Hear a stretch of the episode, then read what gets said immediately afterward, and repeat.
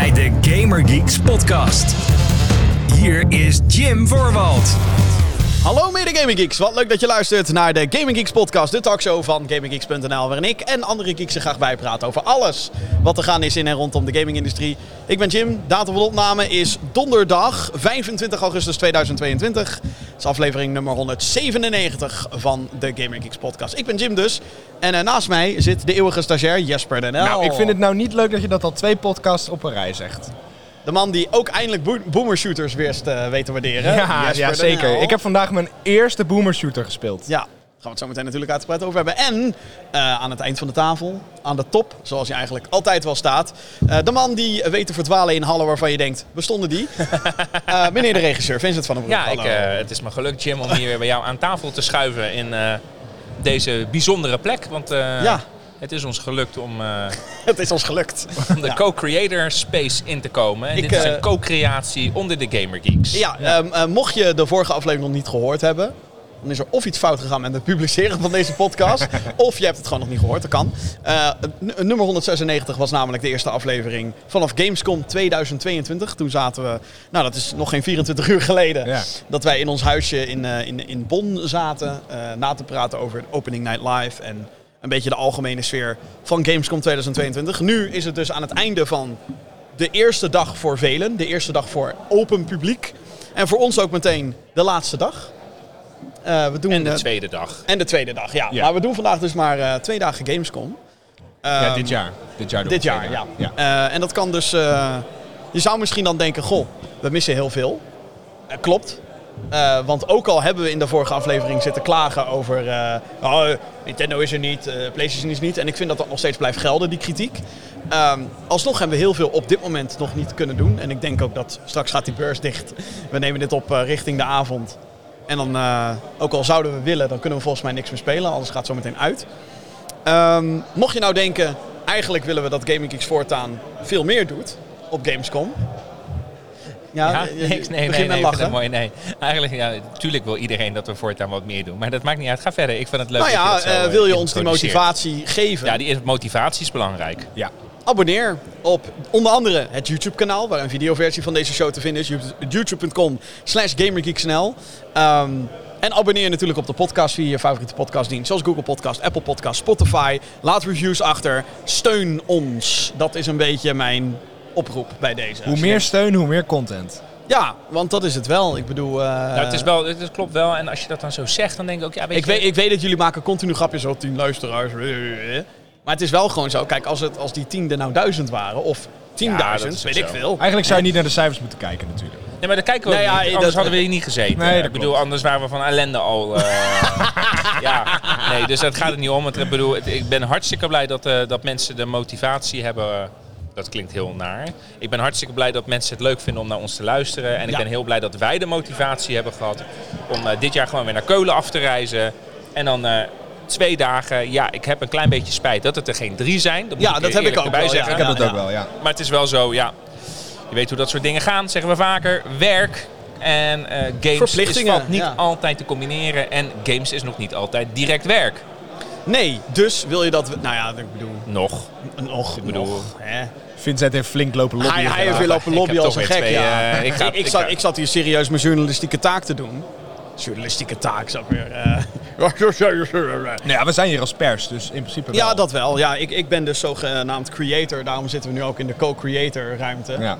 Daar waar volgens mij wat Duitse TikTokkers en YouTubers zitten. Ik, ik herken ja. natuurlijk helemaal niemand. Als je iemand herkent, uh, ja, tag ze dan erin.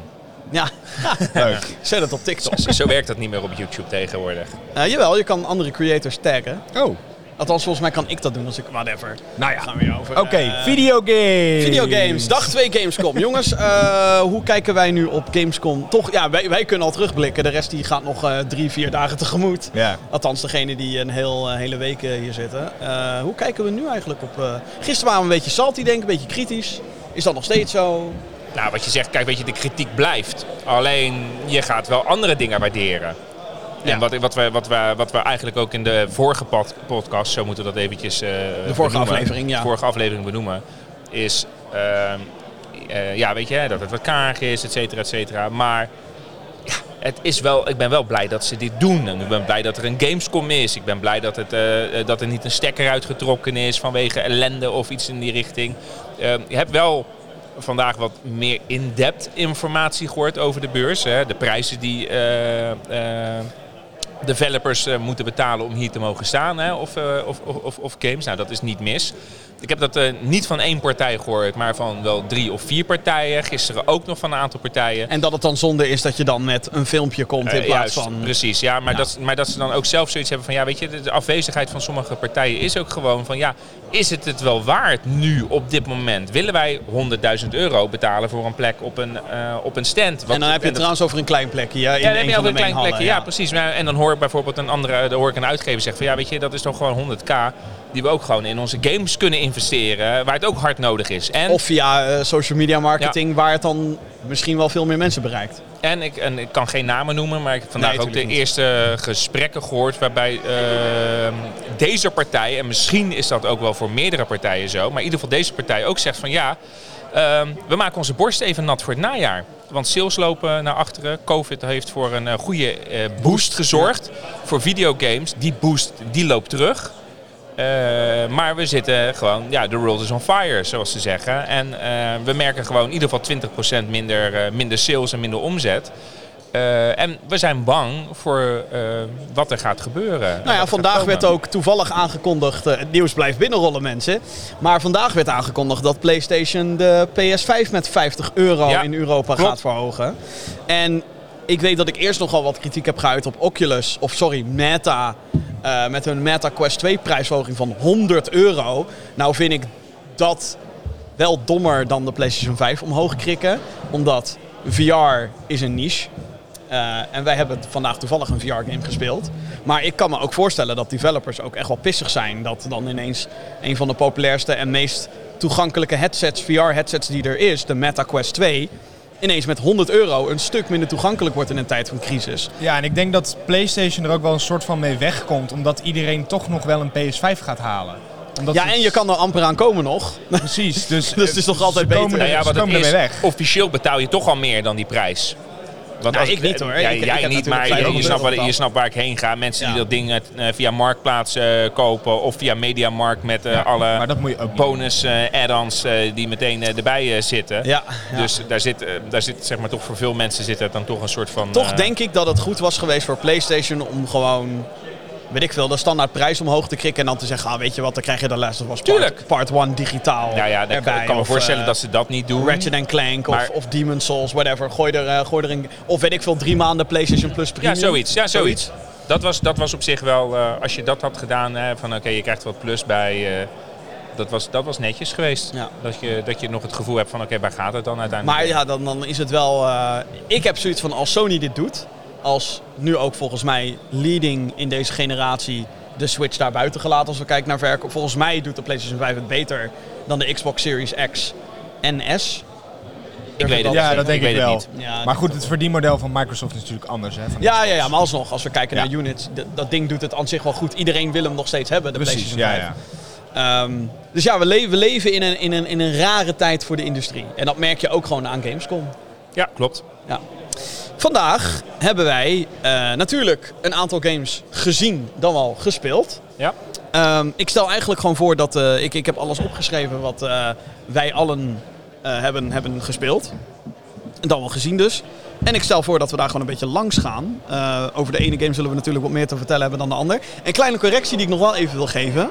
Gisteren hadden we het over wat er allemaal niet speelbaar was, bla bla bla. En toen had ik het ook over dat Sonic Frontiers niet speelbaar was. Uh, dat is niet het geval. Die nee. was wel voor pers, geloof ik, speelbaar. Ja. Um, wij zijn daar niet aan toegekomen, want het was druk bij. Je kan je voorstellen dat iedereen gewoon benieuwd is naar de nieuwe Sonic. I'm sorry, it's fully booked. Fully booked. Fully booked. Helaas, ja. For every hour. Laat Gaming Geeks groeien en zo krijgen wij ook meer voorrang. Bij ja, dat klopt. Ja, nou, weet je, ik, ik, ik, weet, ik ga nu elke kans pakken om te zeggen... Ja, ja, ja, snap ik, snap ik, snap ik. De ik heb wel een podcast. Ja, ik heb wel een andere um, Sega game gezien in dit geval game genaamd Hyenas. Misschien heb je er nog nooit van gehoord. Nee, ik niet, totdat ik, die, uh, totdat ik die bannetjes hier, uh, hier zag. Ja. Nou, Hyenas is een game die wordt gemaakt door uh, Creative Assembly. Dat is een studio die je vooral kent van real-time strategy games. En misschien wel van Alien Isolation, die ze ook hebben gemaakt. En dit is nou zo'n game waarvan ik denk... Ja, wie gaat dit nou spelen eigenlijk? Nou ja, jij, want jij hebt je ervoor aangemeld. Nou ja, ik was gewoon benieuwd. Maar, dat was een grapje, was een grapje Jim. Ik heb het nog niet officieel ingeschreven voor de alfa. Maar dit is een multiplayer shooter. Waarin je in teams van drie naar een space station gaat. En je moet daar merchandise, loot moet je daar oppakken. En uiteindelijk, als er genoeg merchandise is verzameld, moet iedereen naar een drop-off punt gaan. En het team wat daar dan vervolgens het langste in weet te blijven, of een bepaalde tijd weet te blijven, die komt dan weg en wint bij wijze van. En je kan elkaar neerknallen. Uiteraard. Met, met drie, teams van drie. Het klinkt als een soort Splatoon, of zie ik dat verkeerd? Uh, dat, uh... Nee, nou, het is weer een. een uh, ik wil niet zeggen per se een hero shooter, want elk character heeft. Nou ja, wel in de zin van. Elk character heeft zijn eigen loadout, zijn wapen loadout. en het is weer heel kleurrijk. Het is als je ernaar kijkt, denk je: oh ja, dan gaan we weer een, een PvPvE multiplayer shooter met wacky characters die in space allemaal dingen doen en met gekke oh yeah, did you see that? Geen ults, althans, die heb ik niet gezien. Niet echt abilities, maar eerder gewoon wapen loadouts. Ehm, wat wel interessant was, is dat er de levels spelen zich op, op, een, op een schip. Uh, en dat betekent dus ook dat sommige stukken in dat schip zero gravity zijn. Dus dan moet je elkaar, je kan aan elkaar uh, soort van grappelen en, en, natuurlijk aan de muren en zo. Dat kan enigszins interessante combat opleveren. Voor de rest zag ik echt helemaal niks wat uh, hier bijzonder aan was. En uh, ja, het is zo'n game waarvan ik denk, waarom zou je dit willen maken eigenlijk in de, in de moderne tijd? Weet je wel, het is zo'n, de, de multiplayer shooter markt is zo dicht bevolkt. En zeker als je dan weer een cartoony comic book artstijl er tegenaan gaat gooien, denk je, ja, dat doet bijna iedereen ook al. Met heroes en wacky characters doet bijna iedereen ook al. Het is niet uniek genoeg. Nee, nee. Daar komt eigenlijk op neer. Ja. ja. Ja. de combinatie is uniek. Dus het hele PvPvE en dan ook nog eens Overwatch en abilities en Zero G en een spaceship en Extraction. Is misschien too much dan. Ja, het, het, probeert gewoon allerlei elementen van andere populaire games zoals Escape from Tarkov bijvoorbeeld te pakken en ik weet niet of dit, uh, of dit hoge ogen gaat gooien. Tenzij het natuurlijk ineens fucking vet blijkt te zijn, maar dat vind ik moeilijk te beoordelen van alpha gameplay die ik heb mogen zien, niet heb mogen spelen. Oké, dan uh, wil ik graag uh, de mic aan jullie overgeven. Nou ja, dat is prima. Ja, Terwijl jij dat aan het doen was, gingen Jeppie en ik gingen wij naar Bandai Namco. Ja, jullie hebben Park Beyond. Pling, pling, pling. Ja, ik was heel blij dat wij de eerste 10 minuten de tijd namen. Toen kwamen we iets vroeger aan. En toen uh, had ik steeds van, uh, yo, mogen we achter die console spelen? Want het staat een beetje leeg hier. Ja, nee, maar je moet eerst wachten tot de presentatie. Toen kwam een gouden mevrouw van, nee, we gaan maar lekker spelen jongens. Ga maar lekker, ga maar lekker spelen. Ja. Dus uh, ik, het is een, uh, ja, een, een theme park game, zo'n rollercoaster uh, builder. Die hebt daar vast een goede naam voor. ja, theme park builder. Oh, een theme park builder, ja. Uh, zeg maar Planet Coaster, uh, Rollercoaster Tycoon. Maar dan een beetje on steroids, want er zaten heel veel... Nou, het, het, verschil is, hè, ga beyond. Dus beyond. het is beyond your fantasy. Dus het is, uh, je zit in een soort van... Dit is zeg maar het signaal dat je wat je nu op de achtergrond hoort, is van alsjeblieft, rot allemaal op van deze beurs. Dus we gaan kijken hoe lang we het kunnen volhouden nog hier op deze plek. Ja, komt goed hoor. De beurs die gaat over 15 minuten sluiten. Komt goed. Maar goed, dus zo heet het, dat vrouwtje dat blijft ondertussen nog eventjes doorpraten. Ja maar, Park Beyond, ja, het fantasierijke uh, elementen. Dus, ja, dus is, het is, is, je zit in een soort drie, uh, droomwereld. En uh, het is bijvoorbeeld, nou ja, dat zei Jesper meteen, het grote verschil tussen, tussen dit en, hoe heet het, Planet Coaster is dat je bij, bij wijze van spreken gewoon drie reuze ratten in één kan, kan hebben. Ja, Planet Coaster pakt natuurlijk heel erg de, de realistische route, zeg maar. Dus die proberen zo'n realistisch mogelijk ja. parksbeelder neer te zetten. En uh, Park Beyond zegt eigenlijk van... Nee, daar doen wij niet aan. Ja, daar, daar waar als je een rollercoaster een gat hebt in je rails, dan ontploft het karretje. En hier is het gewoon, oh nee joh, jetpack boost maar ja, bij de gigantisch gat tussen je rails. Maakt niet uit als het maar fun is. Ja, eigenlijk wel. En als het er maar gewoon crazy uitziet. Zeg maar, je, the sky is the limit wat dat betreft. En dat is wel iets wat het, uh, wat het uniek maakt. Uh, ja, uh, mij spreekt dat wel heel erg aan. Ik denk van, ja, dit is juist waarom videogames zeg maar, als medium heel erg leuk zijn. Omdat je eigenlijk een concept kan pakken. Dus het bouwen van een, van een pretpark. En dat dus eigenlijk compleet over de top kan gooien. Zeg maar. Ja, ik Weet wel wanneer het uitkomt trouwens, Park Beyond? Ik heb eigenlijk zelf geen idee. Uh, Hyena's heb ik trouwens ook geen idee. Ik ga, game is nu een alpha. Ik ga het even gauw ondertussen opzoeken. Ik ga het even opzoeken. Um, Zal ik even voor Hyena's ook even kijken? Ja, nee, die, die game is nu een alpha en ik ga ervan uit dat, dat ze daar nog even in blijven. Ja, ik, kom, ik kom zelf van een, uh, van een rollercoaster tycoon generatie. Ik heb niet de Planet Coaster gespeeld. Ik moet wel zeggen dat ik daar Carousel wel... 1 is, of de draaimolen 1 is dicht. Ja. dus uh, ik heb niet de Planet Coaster gespeeld. Was zij wel benieuwd naar? Dat weet ik wel. Ja, Planet Coaster is eigenlijk gewoon de opvolger van Rollercoaster Tycoon. Want daar waar Rollercoaster Tycoon ja, van zijn eigen franchise naar de kloot heeft geholpen door kut games. Naar, uh, ja, nee, ja, ik bedoel, Rollercoaster Tycoon World was gewoon kut. Uh, en Planet Coaster werd gemaakt door de mensen die Rollercoaster Tycoon 3 ooit hebben ah. gemaakt. Of althans die studio. Dus dat is eigenlijk de echte opvolger. Nee, maar ik heb me wel echt vermaakt bij het spel. Je hebt, uh, je hebt een aantal characters waarin, in wie, uh, met wie je moet gaan. De, de, het, het verhaal, is een soort van verhaaltje zit erin. De visionair achter de, die, die, industrie, die heeft geen visie meer. En daar ben jij, hè, de nieuwkomer die weer opnieuw die visie moet je bent uh, gaan Imagineer. Ja, en je moet, uh, ja, ja, je moet dus af en toe moet je dus ook concepten pitchen aan een soort board. Dus daar zit dan die, die visionair oh. zit erbij, maar er zit ook iemand van de, van de marketing zit erbij, iemand van finance zit erbij. En die hebben natuurlijk allemaal mening. En die moet je dan dus op een of andere manier zien te overtuigen. Het klinkt ineens heel realistisch, dit spel. Ja, ja, ja, ja, ja, Dan wel over de maar top. Dan in, een, in een droomwereld. En uh, leuk dat je dan af, uh, rollercoasters hebt die afgevuurd worden, vliegmachines en zo. En wat ik zelf heel gaaf vond, uh, nou, van wat ik zag, is dat er echt zo'n... Maar dat zal misschien ook een Planet Coaster zijn, Jesper, dat weet jij beter. Maar die transitie tussen 2D, 2D top-down...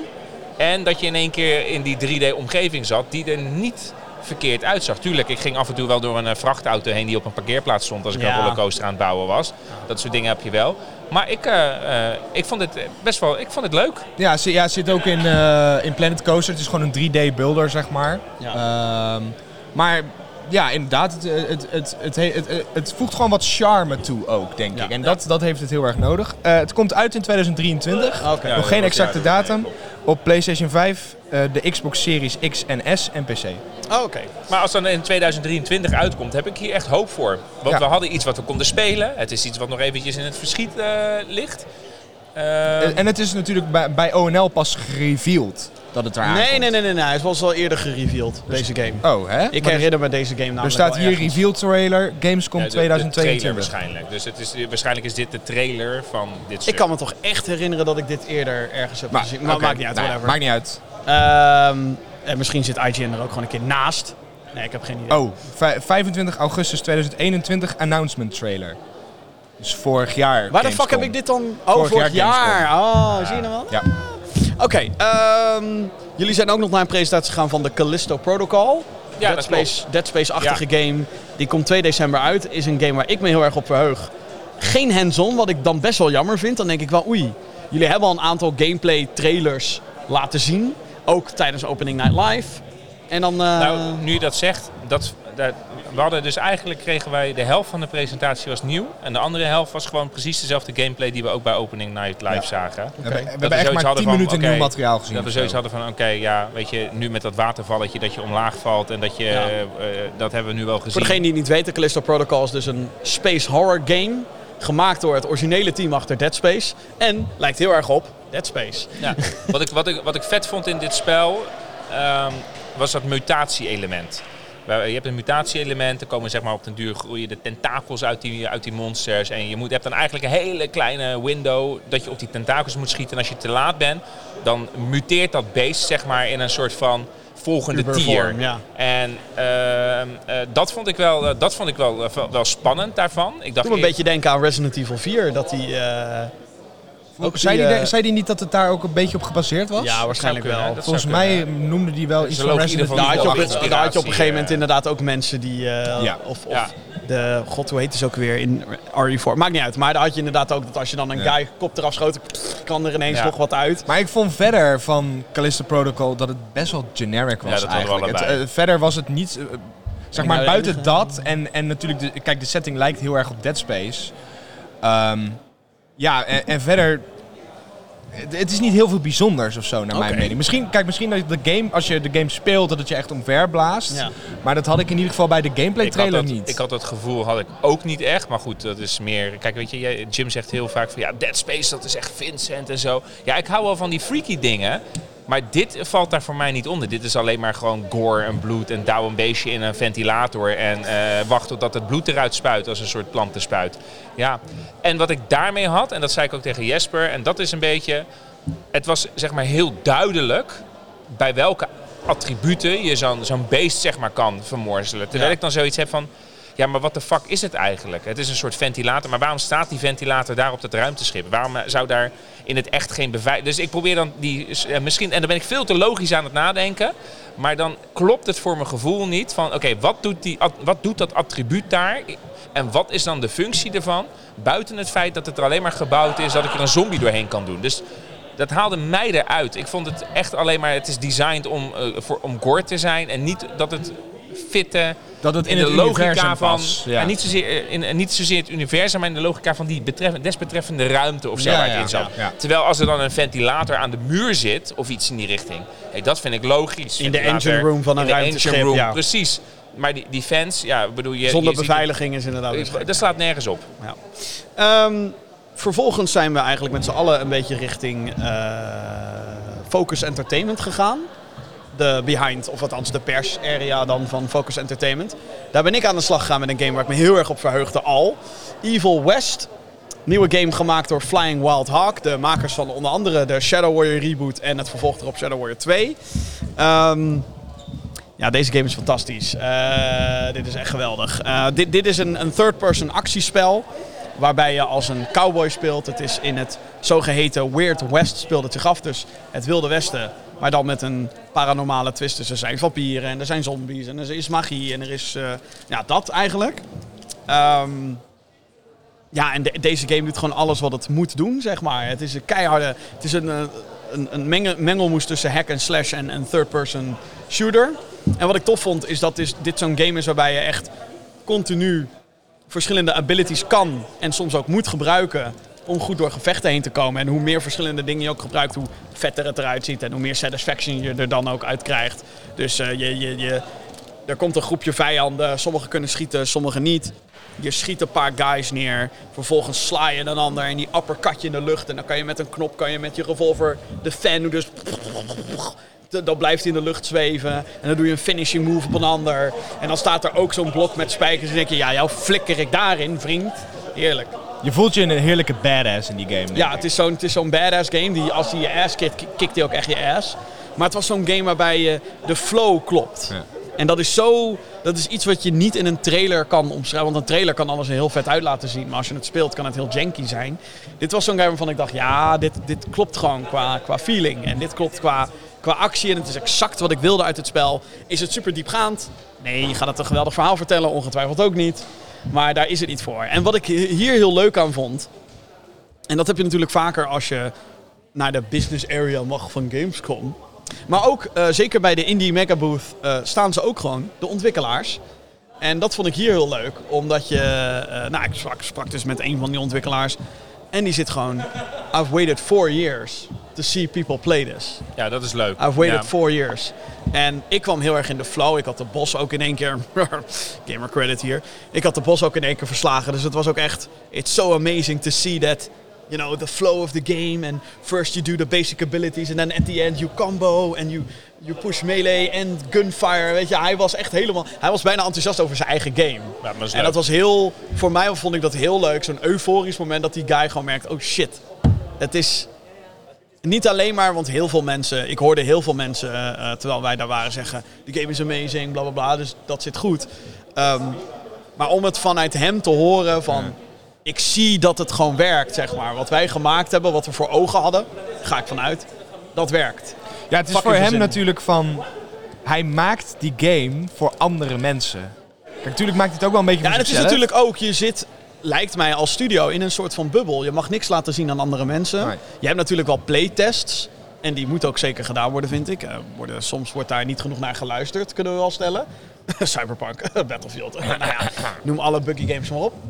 Um, maar ja, dit was gewoon mooi. Dit, dit, dit, dit, maak je alleen maar mee op conferenties zoals deze, waarbij je ja. dat soort momenten meemaakt. dus eind november voor, even kijken, PC, PlayStation 4, Xbox One, Xbox Series S, X, PlayStation 5. En dan ben ik er volgens mij wel. Geen Nintendo Switch? Zal nee, niet. Zag het er goed uit om op Switch te draaien, denk ik. Nou ja, het kan waarschijnlijk wel als je het keihard gaat downscalen, maar... Nou, wat je net zegt, dat, dat, dat, dat enthousiasme van zo'n van zo'n uh, ontwikkelaar... Dat heb ik ook diverse keren meegemaakt. Uh, Vandaag ga ik straks ook nog even verder op in. Ja. Um, en dat is ook denk ik het algemene gevoel wat ik heb met deze Gamescom-editie. En dat heeft natuurlijk te maken met COVID. Maar in de tussentijd hebben we allemaal, hè, allemaal onze eigen dingetjes intussen gedaan. Het is niet alsof we niet naar uh, evenementen zijn geweest. Of dat we misschien een Eftelingetje hebben gepakt. Dus we zijn gewend om weer onder de mensen te zijn. Ja, ja, ja, ja, Maar ik heb wel het gevoel alsof ik thuis kom hier. Ja. Er heerst een soort van uh, verbroederende sfeer. En ik denk dat dat, dat dat sausje, zeg maar, dat maakt het, dat maakt het leuk. Het is een ik denk dat er een verbroederende sfeer hangt onder de devs en, en de mensen die in de business werken. Um, ik weet niet of dat zo is natuurlijk in de bezoekershallen. Want ik kan me voorstellen dat daar ietsjes meer nou. saltiness is rondom de line-up. En Ja, maar dat weet je toch van tevoren ook? Ja, zeker. Ja, ja, dat is ook dus ik denk dat er een hoop mensen, als ik mensen zie hier uh, rondlopen die uitgedost zijn in hun cosplay outfits en dergelijke. Ja.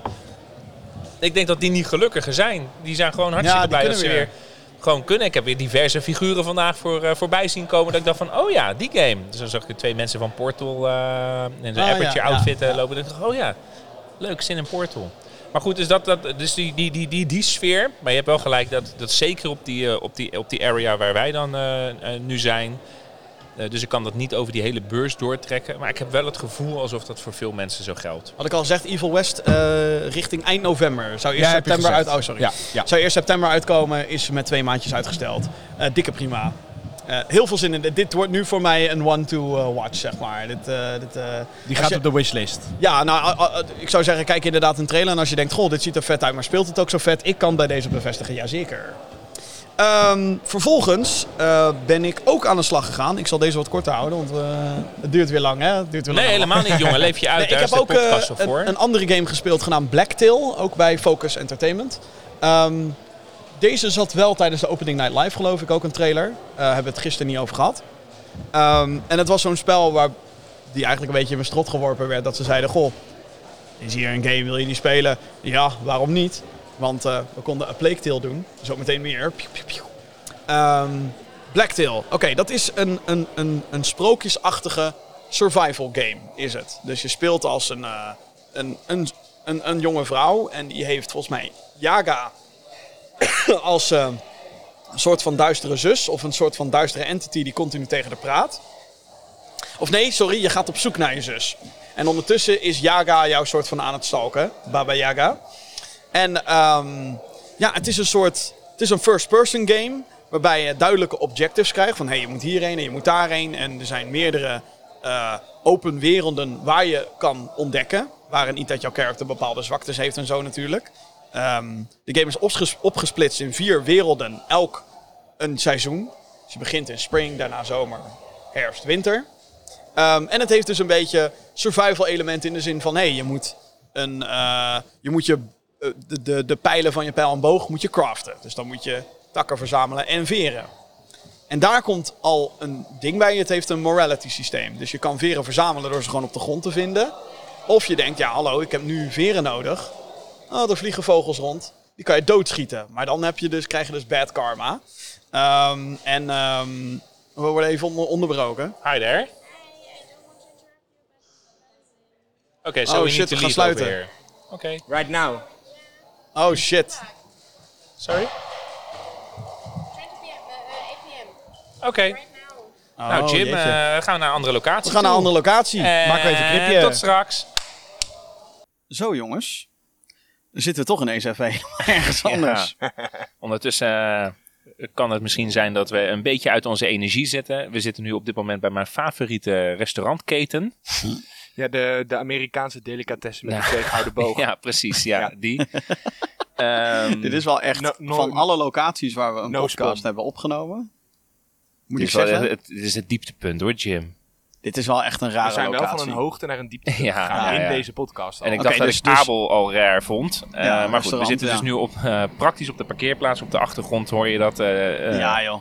het een en ander van vrachtverkeer. Maar eh, Jim, Blacktail. Ja, nee, ja, ik denk toch even uitleggen. Oh ja. Want qua audio is het misschien niet allemaal duidelijk. Maar wij werden dus we werden eruit gekikt. ja, de vraag is dus hoe lang we hier, kunnen Hier, blijven ja. zitten.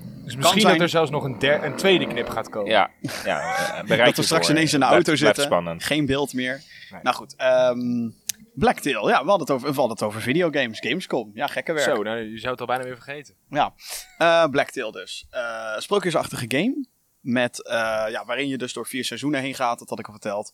Ehm, en ja, het was wel leuk. Het was echt een heel verhalende game. Dus het gaat echt over het verhaal wat Ja. verteld wordt. Ehm, voornamelijk omdat eh, je hebt een adventure mode. Dus dan is alle gameplay gewoon zeg maar geactiveerd. En je hebt een story mode. Wat je wel vaker nu ziet in games. Dat je een story difficulty hebt. Ehm, dus ja, ik vond, het wel, ik vond het wel tof. Het heeft eh, zo'n kleurrijke charme. eh, het heeft een beetje crafting hier en daar. Dus het heeft wat survival elementen. Ik moest bijvoorbeeld op een, op een hert jagen. En dus daarbij ook een moraalsysteem. Waarbij als je bepaalde dingen doet, krijg je goed moraal. Eh, doe, je, doe je andere dingen, dan krijg je weer een slecht moraal. En ik ben heel benieuwd in hoeverre dat soort van invloed gaat hebben. Want het personage wat je speelt wordt heel erg gelokt door een soort kwaad. Ja. En in hoeverre ga je daarin mee of niet? Eh, ga je zeg maar mee met de Baba Yaga of ga je tegen de Baba Yaga om je zus te vinden? Dus het is een beetje, ja, een beetje, het is misschien een beetje moeilijk om uit te leggen. Maar het is wel leuk, zeker als je een beetje van, van dat hele survival houdt en alles wat glinstert, dat moet je oppakken. Nou, dat kan je dus ook in deze game. Oh, ik zie een bloempje, oké, en die heb je dan weer nodig om te healen. En oh, ik Ja. zie takken, voor, voor, voor pijl en boog natuurlijk. Dus En- je was verrast eigenlijk. ja, nou, was wel verrast. Ik vond het wel, eh, wel tof. Tof steltje En is het, is het Blacktail als een zwart staartje of zwart verhaal? Volgens mij schrijf je het als zwart staart. Ja, Maar ik denk dat het een beetje een soort van... beetje net als eh, met Undertale, knippelling. dat schreef je er ook. eh, Ja. Ja, ik, ik weet ook, ik ben niet heel ver gekomen in de demo, moet ik heel eerlijk zeggen. Maar ik zag ook op een gegeven moment ook een waypoint dat ik naar een zwarte kat kon gaan. Dus misschien dat daar dan ah, de Blacktail ja, dat, meekomt. dat, dat, dat denk ik de ook. zwarte kat ja. van de heks. Ja, een beetje precies. dat idee. Ja. Ja. Ehm, nou, toch wel... eh nee, laten we eerst naar Jesper gaan. Want jij hebt ook nog een game bij Focus Entertainment gespeeld. Ehm, ja, met een hele ingewikkelde naam. ja, want hoe heette die? ja, ja, dat eh, vraag ik me dus nu eigenlijk af. Chance of Chance- Senaat? Ja, Chance of... Ja, dat. Ik Wat, denk, hè? ik help je even. Nog een keer? Toch? Of Senaat? Senaat. Althans, zo heb jij het eh, in de app eh, geschreven. Dus, eh, Nou, het, vind het, ik vind het, niet, het is in ieder geval niet een naam die blijft hangen. mhm. Maar dat komt, dat komt meer door de naam dan door de game.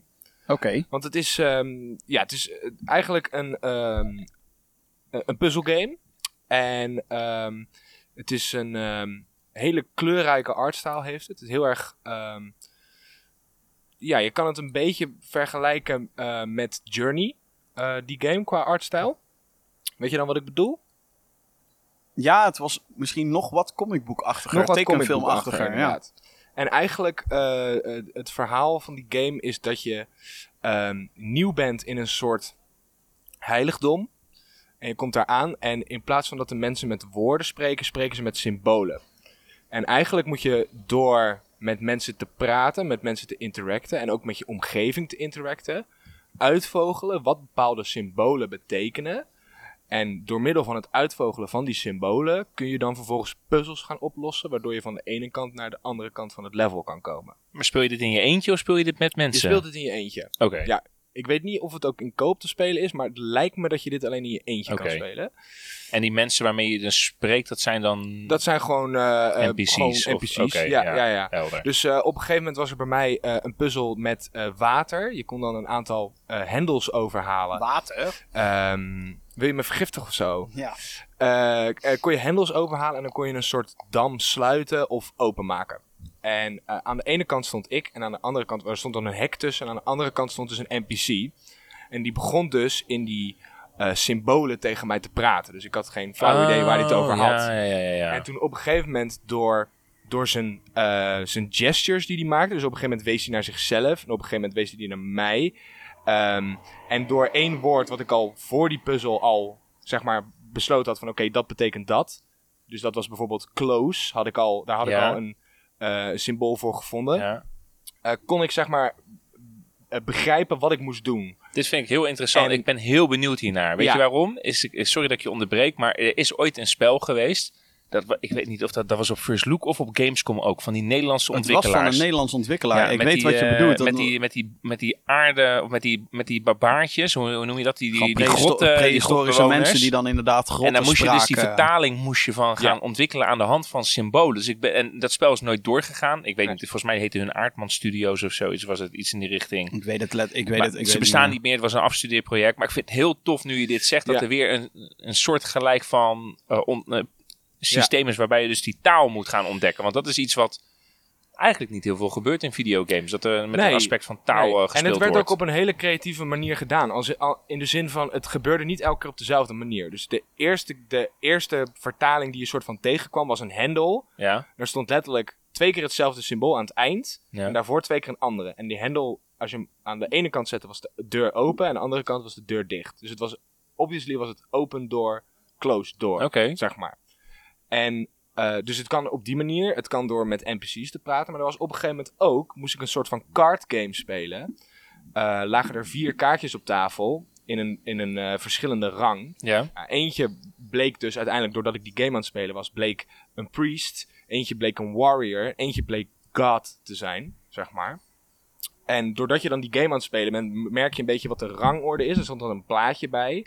Uh, beetje, merk je een beetje wat de rangorde is. En kon je er op die manier een soort van gokken wat het zeg maar betekende. En uh, je had dan uh, een journal bij je en daar staan drie plaatjes in. van bijvoorbeeld bij die eerste puzzel die ik benoemde met het, met het sluiten van die dammen. stond er een plaatje van een mannetje die naar zichzelf wees. Een mannetje die naar iemand anders wees. En dan moest je dus dat symbool daarin slepen. En als je dat dan als dat het juiste symbool was wat bij dat plaatje hoorde, werd, dat, um, uh, werd het woord zeg maar bevestigd. Als in, oké, dit symbool betekent inderdaad close. Dit symbool betekent inderdaad you. Uh, zodat je niet de hele game met een verkeerd symbool blijft lopen. Ah, okay. zeg maar. Dus je wordt wel een soort van uh, begeleid naar het einde. Je kan op een gegeven moment gewoon dingen bevestigen. maar het sprak mij heel erg aan. En ik heb ongeveer ja, een half uurtje gespeeld of zo. En ik wilde eigenlijk gewoon nog doorspelen. Omdat het zo. Uh, gewoon de, de omgeving waar je in loopt is heel erg interessant. Um, en ja, ik, ik vond het, de, het puzzel-element, dat sprak mij heel erg aan. Ja, ik ben, ik, nou ja, ik ben eigenlijk wel overtuigd aan de hand van jouw verhaal. Ja. Ik ben heel, heel gefascineerd eigenlijk om hier eventjes iets van gameplay uh, van uh, te zien. Oh, dat is er vast wel. Denk het wel hoor. Hij, hij komt uit op PC en Switch. Ja. Uh, ik weet alleen niet wanneer. Dat ga ik even gauw opzoeken. Oké. Okay. Godsamme. Um, ja, dat heb ik niet Ja, maar daar hebben we Jim normaal gesproken voor, toch? Ja, voor dat soort details. Ja, normaal wel. ja. Daarover gesproken. Oh. Details. Ja. Vincent, oh, ja. vervolgens oh, werd jij achter een PC ja. neergezet. Ja. Want jij mocht toch wel een beetje de most wanted game van Focus op Gamescom. Mocht jij, uh, nou ik mag heel lang ook, uh, mogen we erbij zeggen. Daar mocht jij heel lang achter zitten. Ja, ze hebben me niet weggestuurd of zo. Nee, uh, voorbode. Ja, oh ja, ja, ja, afkloppen. Um, ehm, 19 oktober komt deze game uit mijn hoofd uh, komt hij uit. A Plague Tale Requiem.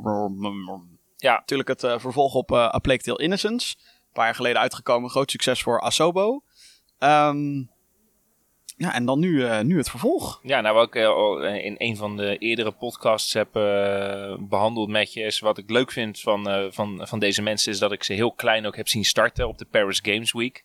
Heel klein steentje eigenlijk, hè, zoals... Franse studio ook, toch? Franse studio, ja. En op een... ja, weet je, zoals we zo op die Paris Games Week was het een beetje zoals het, het Holland paviljoen zou zijn geweest. Hè? Dus dat is een soort van een, Frankrijk, een vanuit Frankrijk. Ja. Waarbij dan allemaal kleine tentjes waren. En dit was dan van, uh, ja, dit is uh, Frans, dit is uit de Franse keuken dit. En uh, ja, die zijn wat groter geworden, die gasten. Die, die zijn wat, wat, wat, wat, wat, wat, wat, verder gegaan. Een beetje next level gegaan. Ik moet ook bij zeggen, ik heb het eerste spel niet uitgespeeld. Ik ben er wel, afgelopen jaar ben ik, er, ben ik eraan begonnen. Ben ermee gestart. Um, heb volgens mij dezelfde proloog gespeeld achter de computer als wat ik toen in Parijs ook had gespeeld. En op een of andere manier um, was het voor mij iets te klunky, iets te traag. Ehm, maar dat neemt niet weg dat ik gefascineerd was door het verhaal. Nee, want A Plague Tale speelt zich af tijdens de rattenplaag. Ja, tijdens de rattenplaag uh, in, de, in de middeleeuwen ja. daarin. En um, in dit spel, uh, en dit spel en volgens mij zijn het dezelfde characters hoor. Maar, ja, het zijn dezelfde ja, characters. Ja. Amicia en, en, en Hugo. En um, nou ja, we, ik mocht dus aan de slag met dit, met dit spel. En ja, wat meteen al opvalt is natuurlijk een beetje dat grootse en dat, uh, die gedetailleerde plantjes. Nou, als, uh, als mensen die nu luisteren uh, weten wat ik leuk vind, ja, dat zijn toch plantjes, open grasvlaktes waar je doorheen kan gaan. details een beetje, leuk. Nou, details, details, een beetje zoeken en, en, en, en dergelijke. Dus ik liep... Ja, want je gaat als die Amicia, ga je... Nou, we weten niet exact wat het verhaal is, maar ik... nou ja, volgens mij had het in de eerste game te maken met dat hij wel of wel besmet was met, met de plaag, maar niet ziek werd. Of, volgens mij was het zoiets. Waardoor ze vluchtten. Want iedereen die ziek werd, werd afgeslacht. Nou, zo, ik weet uit het eerste gedeelte. Nou, uit, het eerste gedeelte, wat ik, van wat ik me nog weet te herinneren, is dat ze zitten in een kasteel. Het zijn, uh, het zijn kasteelkindjes. Mm -hmm. En uh, er komt iets van een, uh, van een, een bende aan of muiterij of iets in die richting. En die oh. gasten die komen dat kasteel uh, overnemen. En jij moet dus vluchten samen met je grote zus. Of jij vlucht als je grote zus als, samen, ja, met, ja. Uh, samen met je kleine broertje. En je moet dus uit het paleis moet je dus uh, zien, te, oh, zien okay. te vluchten. En dan helpt mama help je. En die doet dan de tutorial aan het begin met kruip zo. En zo ga je achter bewapens. En die moeder die heeft volgens mij ook wat vechtskills of iets in die richting. Zo start het. zo start, game, zo start die eerste, eerste game dat je moet vluchten. Ja, en in dit gedeelte. en in dit spel, ja ze zijn wat ergens, ouder. Uh, ze zijn wat ouder en je start eigenlijk ergens gewoon halverwege in het, uh, in het spel. Het is die demo die ik vandaag speelde en ik start op een open grasvlakte en ik moest een stukje gaan lopen. Maar dat stukje lopen dat gaat bij mij altijd wel wat trager dan bij de gemiddelde gamer. Dus op den duur uh, ontdekte ik de, de fotomodus. En Jim die zat echt zo van, nou deze gast heeft nu eindelijk de kans om nu... Uh, ja, nee, ja, kijk, ik denk gewoon, joh, je kan, je kan een demo spelen, je weet dat je beperkte tijd hebt. En wat gaat die guy doen? Die zet een fotomode aan en gaat gekke ja, shots maken. Dat is inzoomend op fucking bijen die daar ja, maar dat is toch tof? Ja, nee, maar, maar dat is die bij, die kwam dus, dus per toeval tegen. Dus ik was inderdaad aan het inzoomen en ik zoom in één keer in op een bij gewoon een minuscuul wezentje in die wereld. Ja. Die dus toch super gedetailleerd in die fotomodus, hè, met als je kan inzoomen en zo, er tot uitkomt. Tot, uh, uh, tot lachende reacties van de developers. Want ik was de eerste die die, fotomodus. die fotomodus überhaupt had gebruikt. Dus die mevrouw die vond het helemaal geweldig. Die zat te lachen op de achtergrond. Ja, daar ga je natuurlijk een beetje mee spelen dan, uh, dan, dan daarna. Uiteindelijk dus verder gekomen in het spel. Um, ja, ik ben, ik ben benieuwd naar meer. Ik ben wel bang ja, want op een gegeven moment, je, je, bent dus nog steeds op de vlucht, geloof ik. Ja, je bent op de en, vlucht. Je uh, bent, op een gegeven moment komen er dan natuurlijk bewakers en dan komt er een beetje stealth gameplay, dus moet je ze vermijden. Hugo heeft een of andere power, ja, een met power de waarmee hij ratten kan besturen. Dus hij ja. kan diverse dingen doen. Hij kan ratten aanvoelen. En, uh, Zij dus, kunnen dan weer het bloed van zijn, mensen ja, aanvoelen, precies. dus als soort echo vision. Ja, ja, ja, ja, ja. En, uh, en je kan dan ook die ratten besturen. Verder heeft Amicia heeft een kruisboog die ze kan besturen. Ze heeft een katapult waarmee je vuurbommen kan doen. En je kan er ook nog eens wat, uh, wat, uh, wat was het nou, tar, teer kan je erop gooien. Zodat er een, een explosie van vuur uh, ontstaat. Zodat ze daadwerkelijk in de fik komen ja. te staan. Ja. ja, en Amicia die is dus, bedoel Hugo die kan die ratten besturen. Maar die power die duurt natuurlijk niet te lang. En op het moment dan moet je opletten. Want Amicia die kan dus niet tegen die ratten. En die ratten die verslinden iedereen die op hun pad liggen. Ja. Dus de bewakers. Maar ook je grote zus. Ja. Um, en ik vond dat wel tof. Want die ratten kunnen dus niet tegen vuur. Dus er zijn puzzelelementen waarbij je dan vuur moet gebruiken om langs de ratten heen te komen Ja. als, als koppel zijnde. Uh, maar er zijn er natuurlijk ook bewakers die een torch hebben. En die, die, die kunnen die ratten niet verslinden. Dus ook als je ze bestuurt, is het van ja, daar gaan we niet Ja. in de buurt. ik dat moet- vond ik wel leuk, dat Ik- soort uh, gameplay elementen. Ja, nee, die gameplay elementen waren zeker leuk. Jij vond dat met de ratten voor jij heel fascinerend. Jij was daar wel enthousiast over toen je achter me zat. Zelf had ik met die game, die, die, die, die gameplay, het voelde nogal een beetje lomp aan die besturing. Mhm. Eh, het is moeilijk om die, die ratten, zeg maar, dat je nou echt van, nou, ik wil nu echt goed naar voren. Want er zit een soort van, ja, in cameratermen noem je dat ease in, ease out. Dus het is zeg maar, ehm, op het moment dat je naar rechts Een gaat, soort van vertraging er zit een soort vertraging ja. in die besturing, waarmee het dus een soort van golvende, vloeiende beweging moet zijn. En dat ik moet vind dan wel dat het daardoor, zeg maar, als Ja, iemand krijgt- die stond te kijken, het zag er heel agressief uit. Oké, ja, zo heb ik dat zelf niet opgevat. Het zag er heel erg alsof die ratten echt een soort force zijn die op je afkomen, zeg maar. Snap je dan wat ik bedoel? Ja, ik snap zeker wat je bedoelt. Het is wel, wel, wat je daarmee wel krijgt, is dat je wel die vloeiende beweging van die ratten krijgt. Dus dat, is, dat, is wel, dat is wel logisch. En, ja, want je bestuurt een soort van zwerm eigenlijk. Een zwerm, ja. klopt. Het is niet één rat. meer de wil van de rat, in plaats van... Uh, voor, het, voor het oog zag het er in ieder geval uh, wel, wel powerful sowieso, Ik moet zeggen dat deze game er echt zo ontzettend goed uitzag. Maar allemaal, ja, ik, nou, ik vond het er goed uitzien. Alleen ik had met die ratten zelf, had ik wel zoiets van, ik vond het rommelig die ratten. Uh, het is, het is de bedoeling toch? Dat ze het ja, het, het, het, is de bedoeling, ja, maar je hebt rommelig en rommelig. En wat ik bedoel met rommelig is dat, um, dat ik toch het gevoel had alsof het allemaal door elkaar heen ging. En met door elkaar heen ging letterlijk door het lichaam van de rat heen. Dus ik had niet het gevoel alsof ze echt over elkaar kropen. Maar dat het gewoon, ja, ik, ik vond het een, uh, ik vond het in close-up. Nee, close-up, close-up. Maar ik vond het, ja. uh, ik vond dat, dat, dat gedeelte vond ik niet helemaal zo. Nee, het is niet het gevoel wat je hebt als je die trailer ziet. Die trailer is natuurlijk super gelikt, zo'n uh, okay. zo'n visuele trailer. Dat ja, gevoel ik vond het wel indrukwekkend eigenlijk. Gewoon die, het zijn toch honderden. Het is natuurlijk gewoon een effectje wat ja. daar. Een mooi trucje, wat maar ik, alsnog. Ik wat, ik, wat, ik, wat ik zelf stiekem jammer vind, is, ik heb dat nog gevraagd aan die ontwikkelaar van oké, okay, hey, wat is nu de voertaal van de game? Ja. Ja, nou, in het eerste deel is de voertaal duidelijk Frans. En in dit gedeelte hebben ze duidelijk die, als er lipanimaties zijn, want die lipanimaties zijn zeker niet overal. Ik bedoel, ik heb diverse keren is me opgevallen dat die monden eigenlijk niet bewegen als je wel voice-over hoort. Vincent draait dan natuurlijk weer de camera Tuurlijk om. draai je ja. de camera om, ja, dat wil ik gewoon zien.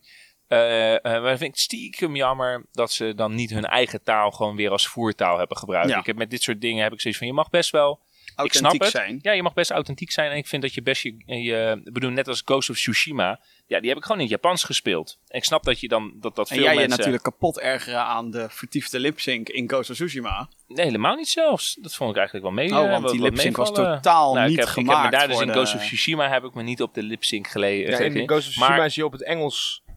Uh, ja, is hij ook, de, de, maar, maar de daar lips, denk de, ik... Hoe klopt, de lippen maar, bewegen is op het Engels gemaakt. Ja, en ja. daar waren dus nogal wat klachten over. Van ja, hallo. Ja. Uh, zou eigenlijk andersom moeten zijn. Precies, maar dat denk ik dus nu ook bij dit spel. Ik denk wat van, overigens ja, wel grappig is, nu we het erover hebben. De, de regisseur van John Wick is bezig aan een Ghost of Tsushima film. Echt waar? Die Oh. heeft gewoon gezegd, ik wil Japanners. Ja, mooi. Moet in het Japans. Ja.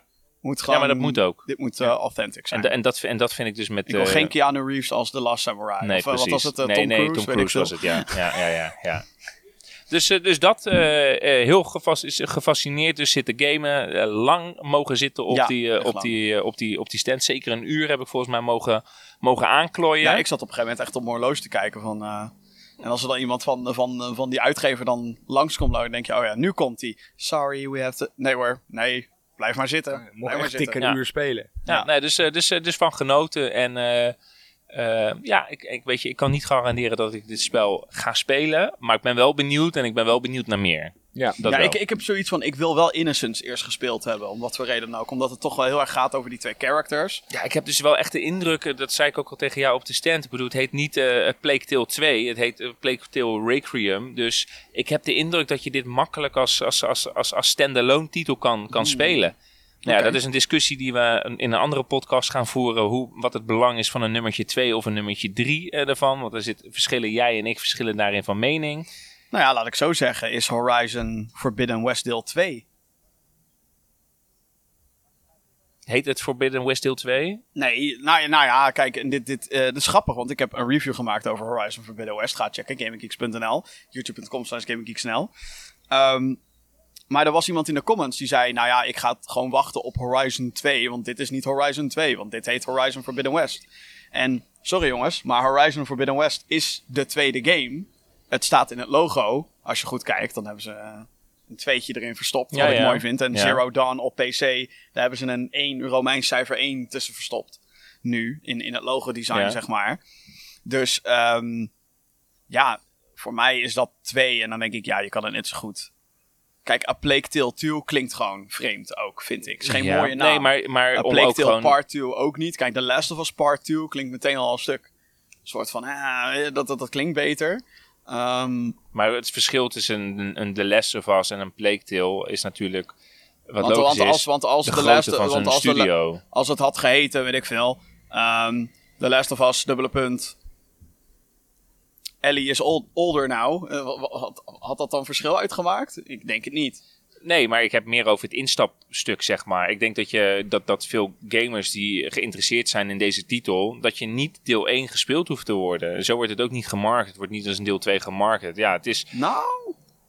Nou, ik heb die indruk van niet. Uh, En ik heb de indruk, wat ik bedoel, ik krijg nu in die, in, die, in die storyline die ik eventjes net dat uur wat heb gespeeld, wat waarschijnlijk pas uh, eh, 10 minuten gameplay is, uh, heb ik al best wel 50 wat, minuten ja, 50 minuten fotosmodus. Ehm, heb ik al aardig wat, wat, wat, wat resume gekregen van, oh je hebt dit gedaan, oh je hebt dit gedaan, ben je trots op dat je dit hebt gedaan. Dus ik, ik krijg wel die, die, die, die, die character feedback krijg ik, krijg ik mee van wat er hiervoor is gebeurd. Ik denk dat het, dat het zeg maar wel beter is als je de eerste ook speelt, maar dat het niet per se noodzakelijk is. Dat zou elk goed vervolg natuurlijk moeten hebben. Ja, precies. Precies. Dus nou ja, meer in de zin van, ik denk, je hoeft je niet in te houden. Oké. Nou, oké. Eh, ik heb ondertussen even opgezocht wanneer Chance of Senaar. Oh, Senaar. Ja, dus het is Chance als in gezangen. Of... Chance, ja. Ja, uh, Senaar met dubbel N, dubbel E. Uh, hij komt in 2023 uit, nog geen datum. En het is volledig singleplayer. Oké. Okay. opgezocht. Ja. Vervolgens zijn wij even langs gegaan bij uh, een uh, aantal van onze Hollandse vrienden. Vrienden? Althans, gaan vanuit Rotterdam, make it happen. Uh, Vertigo Games. toch wel de prominente Nederlandse VR-studio. Die waren ook op Gamescom. Wij hebben daar After the Fall hebben wij daar gespeeld. Daar komt nieuwe content van uit op 15 september uit mijn hoofd. Um, After the Fall is een game die al een tijdje uit is. En het is een. Uh, ja, zij, zij omschreven het zelf als een Left 4 Dead-achtige shooter. Dus een co-op zombie shooter. Je moet gewoon door een level heen naar een safe house. Daar kan je upgrades kopen. En uh, tussendoor is het zombies knallen. Um, wij kregen allebei een headset op ons hoofd. Ik weet eigenlijk niet eens welke headset het was. Het was een Oculus. Het was, een, Oculus. Ja, ja een Oculus. En er stond Lenovo aan de zijkant. Dus ik weet niet welke, welke merk dat dan is. Maar, het viel ons op oh, omdat het, dat er geen meta op stond. Nee, er stond geen meta op. Dan is het denk ik geen Oculus. Jawel, was Jawel, Oculus, Oculus op. Dus het is een oud model. Oh, oké. Vandaar dat wij dus het, het is een voor, voor meta gemaakte Oculus. Oké, nou dan zag het dan werkte het best goed voor een oude headset. ja, nee, um, ja, dit, kijk, dit is een game die al, heel, uh, die al een tijdje uit is. Dus ik denk niet dat we hier heel uitgebreid over hoeven te praten, omdat het een oudere game is. er komt nieuwe content en volgens mij hebben wij een stuk nieuwe content gespeeld. Wij zouden dat natuurlijk niet echt weten, want wij hebben het origineel uh, niet gespeeld. Um, maar toch even kort, wat, wat vond je ervan, Vincent? Want wij stonden daar dus met een VR-headset op. En met twee afstandsbedieningen ik liep tussendoor, ik, ik, liep alles te ontwijken wat jullie allemaal aan het doen waren. Nou, wat ik ervan vond is dat het is uh, voor mij een uh, hele tijd geleden dat ik een VR-headset op had. Mm -hmm. Ik heb uh, zeker afgelopen twee jaar niet zo'n ding op mijn kop gehad. Oké. Dus ik vond het, ik, dus ik had toen ik dat ding op had. En het eerste wat ik me afvroeg is van, hoe komt het dat in die afgelopen vier, vijf jaar dat is die VR-headsets nog steeds niet sky high zijn gegaan. Dat is, dat is iets wat. Dat is, en terwijl je een oud model op je kop had. Terwijl ik een oud model op mijn kop had. Ja, nee, maar dat is eigenlijk. Dus, dus als we het hebben over mijn eerste reactie. Was dat me dat eigenlijk opviel. Dat ik dacht van ja. Het, het, het, zit, het is prima. Ik heb echt het gevoel alsof ik erin zit. Je, had, uh, je had een aantal geweren in je hand die je dan, als je die naar je borst toe werkt, niet altijd even, maar als je die naar, naar je borst toe werkt, er zat dan een soort, dan keek je omlaag, zo in een pouch zag je zitten.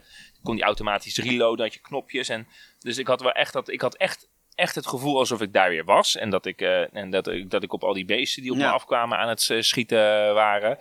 Uh, wat, waar ik heel blij om was, was ik kreeg geen motion sickness. Daar hadden ze dan dat, eh, dat, dat skipping steps hadden ze daar ja, dan. Ja, uh, de movement was met teleporting, zodat je inderdaad minder... Ja, uh, en je merkte dat als ik dan de, kijk dan naar die gameplay, dat het allemaal dan wat trager is. Zodat je wel wat meer kan reageren op die beesten die op je afkomen. En niet dat het allemaal als een soort schreeuwend beest is. Maar dat mijn eerste gedachte dus wel was van, oké, maar hoe komt het dat, dat, we, dat dit in mijn optiek nog steeds niet massaal gebeurt en nog steeds niet groot, uh, groot van de grond afkomen. Hoe, waarom is het dat het ik nog denk, niet... Nou, ik denk dat daar een aantal redenen voor zijn. We hadden het eerder in de podcast, toen we nog in de coolmessen zaten, hadden we natuurlijk ook al een beetje over die prijsstijging. VR is gewoon duur. Een nieuwe VR-headset is gewoon best wel een investering. En ga je zeg maar, ja, nu ook. Uh, als je nu 500 euro opzij kan, of 550, ga je dan een VR-headset kopen of ga je voor een PlayStation 5? Als je die nog niet hebt. Ik denk dat die keuze dan best snel gemaakt is.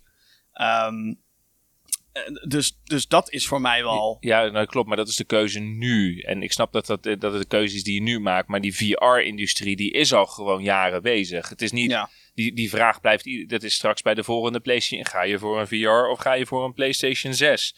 Dus, um, dus dat, dat dat stuk blijft. Ik ben gewoon heel benieuwd waarom dat dan denk ook dat het een beetje te maken heeft met uh, het, het aanbod van echte, zeg maar, AAA VR-games. Kijk, de, degene die is als, bij mij als eerste naar boven komt, is uh, Half-Life. Half-Life Alex. Ja. Dat was natuurlijk een grote klapper. En dat was ook een, denk ik een reden waarom veel mensen een VR-set uh, headset hebben gehaald, uiteindelijk. Um, nou ja, misschien dat die Horizon game uh, dat bij uh, PlayStation kan gaan doen. Maar ik heb niet echt nu persoonlijk in ieder geval een reden om echt zo'n headset te halen. Nou, oké, ook oh, dat. Ja, nee, ik, ik, een eh, zeg maar de, buiten één game. Een van de redenen, en, en ik wil je echt in over in gesprek met Vertigo. Lijkt me super interessant om daar een keer langs te gaan en daar met die gasten, Open uitnodigen. dames en heren. nou, nee, ik heb, nee, natuurlijk heb ik daar al met ze over gesproken. Om daar een podcastaflevering over op te nemen. Om het ook vanuit hun het zijn ook enthousiastelingen natuurlijk en ze maken VR-games. Dus ik denk dat zij dat als geen ander kunnen uitleggen. Waarom VR een toekomst heeft en hoe gaaf dat kan zijn. Ik had toch weer, en dat lag niet aan de game, wil ik dus even vooropstellen. Het is gewoon, het werkt allemaal gewoon niet zo lekker. Het zijn nu, de games zijn nu vet. Met, ja, het is VR, dus dat maakt het cool. Maar de gameplay en de besturing, je merkt dat ze um, om dingen heen aan het programmeren zijn. Dus bijvoorbeeld het reloaden. Hoe je natuurlijk wil reloaden is dat je naar je zak grijpt, die clip erin steekt en dan zeg maar zo'n ding. En er zijn, ik weet het, er zijn games die dat doen en die werken heel goed. Maar je merkt dat voor de sake of een zombie shooter die voor iedereen leuk moet zijn, wordt het al meteen versimpeld. Snap je? Dan is het zo van, oh ja, druk maar op een knop. En ik zat zo te struggelen weer met, ik wil deze gun nu met twee handen beetpakken. Je zou denken, je gaat met één hand naar de hendel hè, van je gun. En je drukt, je hebt dan twee knoppen die je vingers soort van bestuurden. En je drukt op die knoppen en dan houdt hij een beet. Maar dat, ik zat daar zo vaak met, het werkt weer niet. Nee, dat, ik snap dat ook, maar... En ook met dat reloaden, dan denk ik ook weer, ja, eh, waarom moet ik daar dan weer een knopje voor indrukken? Maar je, je wil dat volledig... Maar dit ligt wel aan de game. Dit ligt wel aan, dit ligt niet zozeer aan VR. Nee, want er zijn inderdaad games die dit wel kunnen. En ja, maar dat zei, dat zei Jim inderdaad natuurlijk net ook al. Maar het is, dit is... Nee, ik heb, ik heb het over dat er games zijn waarbij je zeg maar daadwerkelijk de clip eruit moet doen. Ja, ja nou ja, eentje die ik uh, ooit een keer gespeeld heb is Pavlov. Ik weet niet of jullie daar bekend mee zijn. Maar dat is dus echt een game die gericht is op het realisme van die wapens. Maar het zijn meerdere van die dingen. Kijk, het feit dat er bijvoorbeeld een teleporting functie in moet om motion sickness te voorkomen. En ik weet dat sommige mensen gaan nooit tegen VR kunnen, zeg maar. Um, ja, dat soort dingen. Ik heb gewoon continu het idee dat ik afgeremd word in het genieten van een game, omdat het VR is. En, dat het feit dat dus het VR is, heeft het, is natuurlijk voor mij is natuurlijk ook de beleving. I get it. Maar tegelijkertijd zit ik ook de hele tijd te struggelen met dat VR. En dan niet qua motion sickness, maar qua controls of... Het is... Ik weet niet, er, er is gewoon een barrière met VR gaming en de grootste barrière is natuurlijk gewoon, als je dit thuis wil doen, ja, moet je wel je hele ruimte vrijmaken, et cetera, et cetera, et cetera. Dat is gewoon, dat is de grootste barrière. Nou, voor mij was de grootste barrière in dit stuk toch die kabel, zeg maar. Want als je dan aan het draaien bent, hè, je kon dus, je kon kiezen of je draaide met je joystick, maar en dat terecht dat die man zegt, ja, die man die zegt natuurlijk zo van, ja, hey, maar je kan ook gewoon met je hoofd draaien. Oh ja, verrekt, dat kan natuurlijk ook. Ja, en dan ben je 360 graden aan het draaien en dan merk je dan van, ah, dus moet, die, daar word je weer uit die immersie gehaald. Dan voel je dus een kabel langs je lichaam lopen. En dan ben je bang dat je ergens struikelt of iets in die richting. Ehm, dus kijk, dat dingen hier niet helemaal lekker werken, dat, dat, dat verwijt ik ook aan potentiële interferentie van apparatuur.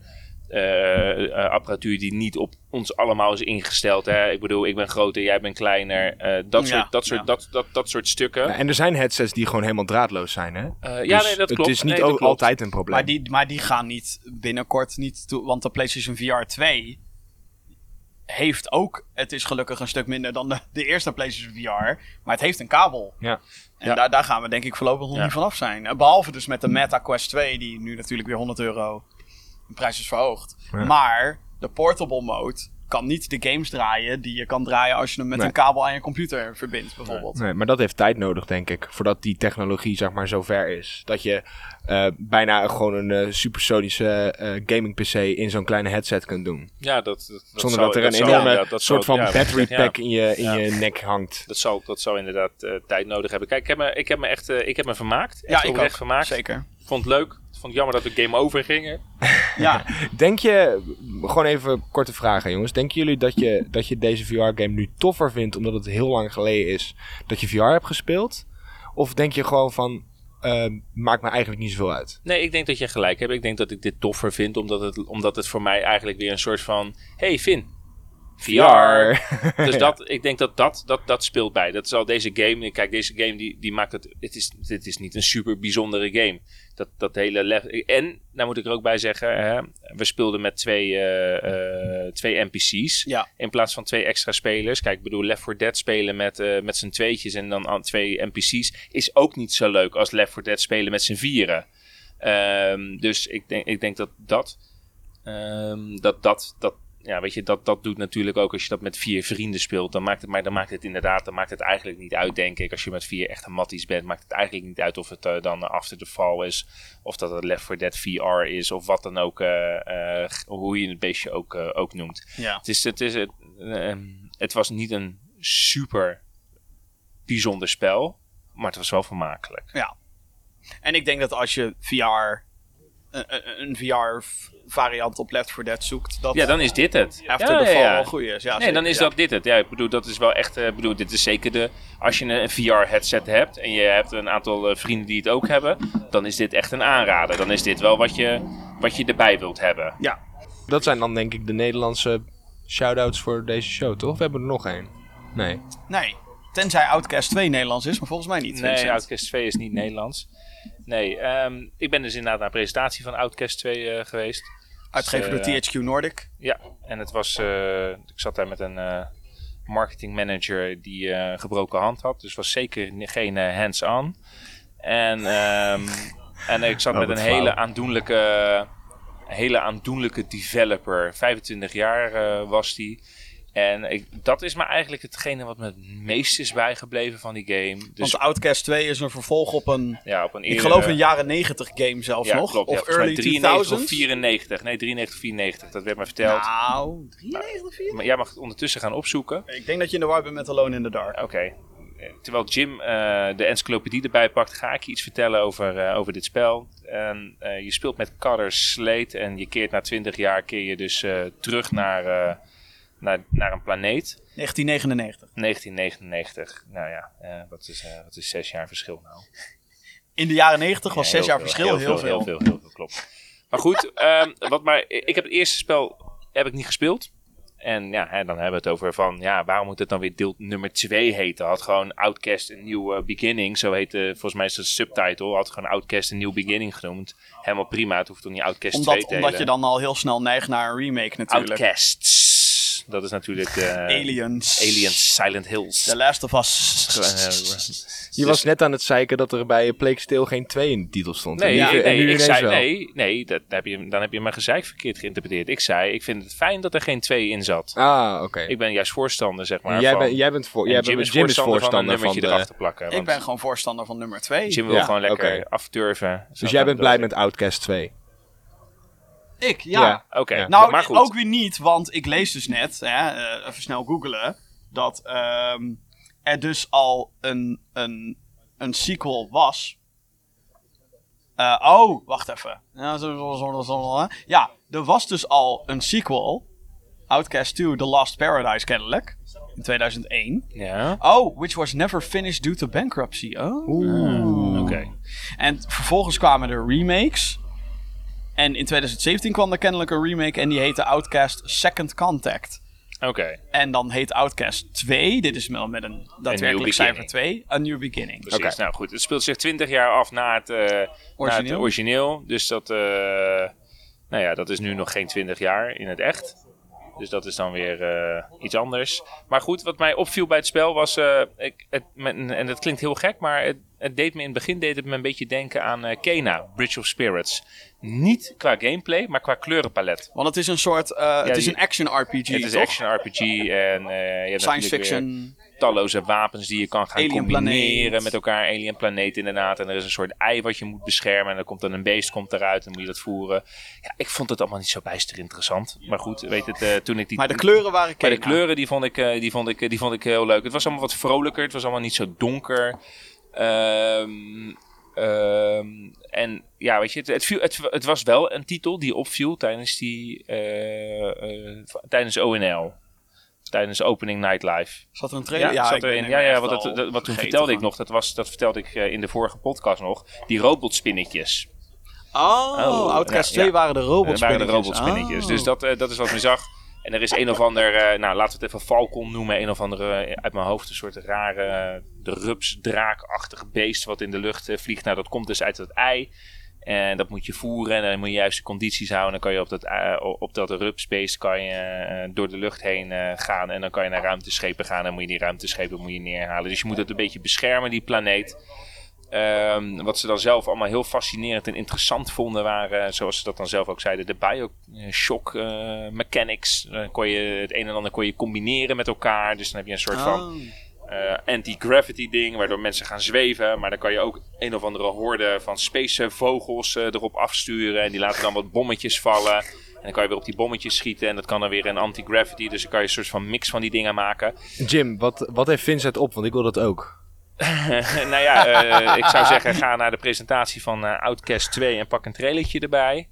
Uh, maar wat ik zeg, ja, ik vond het niet zo. Ik, ja, ik, maar dat ben ik, hè. Ik vond het niet zo, ik vond het niet zo bijzonder, maar ik vond het heel aandoenlijk.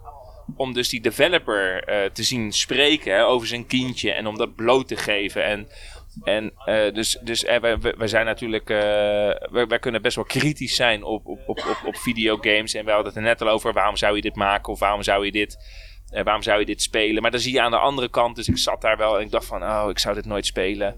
Maar die man die is dat met zoveel enthousiasme aan het vertellen. En dan zie, dan zie ik eigenlijk mijn, mijn, mijn broertje zie ik praten, hè?